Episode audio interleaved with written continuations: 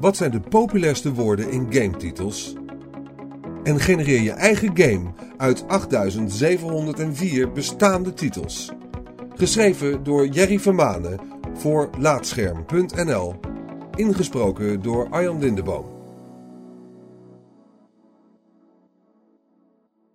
Gametitels hebben weinig met originaliteit te maken. Dat is de conclusie als je alle titels van games van de drie grote uitgevers bekijkt.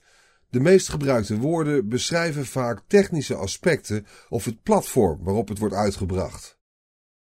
Eerder analyseerde ik al 47.263 games om te zien wat ik hiermee over de game-industrie kan vertellen. Met dezelfde gegevens kijk ik nu naar game-titels. Wat zijn de meest gebruikte woorden die onze meest geliefde hobby omschrijven? En je kunt via de tool bij dit verhaal op laatscherm.nl een eigen gametitel genereren.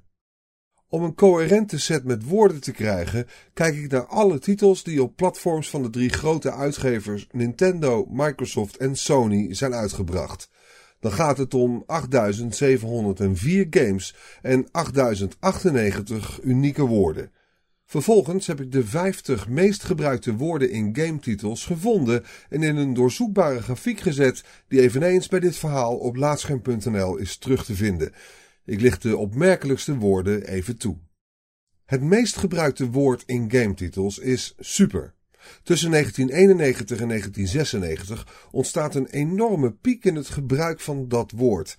Niet gek, aangezien de Super Nintendo veel uitgevers uitdaagde om dat woord in de titel van hun game te verwerken.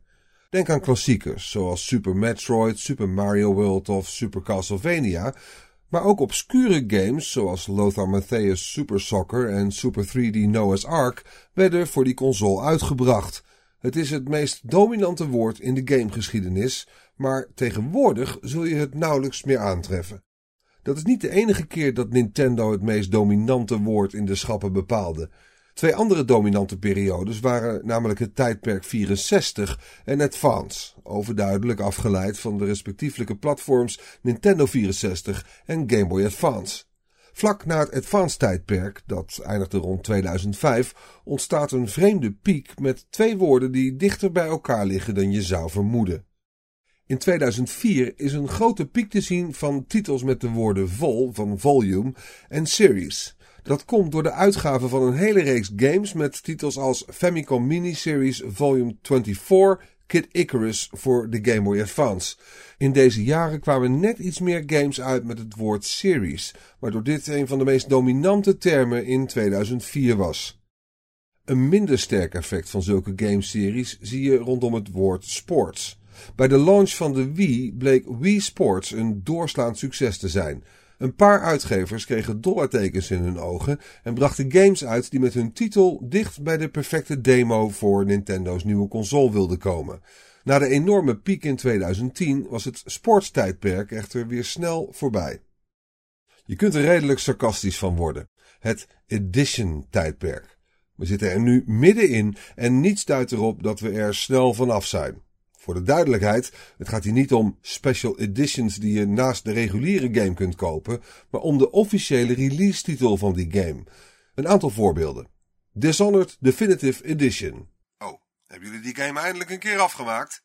Pool Paradise International Edition. Daarvoor kon je alleen een binnenlandse competitie spelen. En Skills of the Shogun Bonafide Edition. Als één ding blijkt uit de woordanalyse van games, dan is het wel dat overkoepelende zaken zoals het platform waarop een game wordt uitgebracht of deze game is in een nieuwe versie verkrijgbaar, belangrijker zijn dan het prikkelen van je creativiteit. Originaliteit blijft wat dat betreft redelijk diffuus. Ontwikkelaars hebben vrijheid om hun games te noemen zoals ze mogen noemen, maar de dominerende woorden blijken vaak over strategieën en consoledominantie te gaan. Maar wij dagen jou uit om uit die woordenbrei alsnog originele gametitels te genereren. Met de tool die je kunt vinden bij dit verhaal op laatscherm.nl kun je je eigen gametitels maken uit 8704 bestaande titels. We zijn erg benieuwd welke parels jullie ontdekken. Laat het me weten via jerry.laatscherm.nl. Grote kans dat je bestaande games tegenkomt, maar druk gerust nog eens op de knop. Enkele games waar wij enthousiast van werden? God of Influence. Minotaurussen slopen, sirenen vermoorden en maximale engagement bereiken op alle social platforms. Sid Meier's Splinter Cell. Turn-based hexagon espionage over de tijdspannen van 50.000 jaar. En tot slot Star Wars Ace Attorney. De Death Star is vernietigd, maar door een vormfout heeft Darth Vader de kans om in de rechtbank zijn gelijk te halen.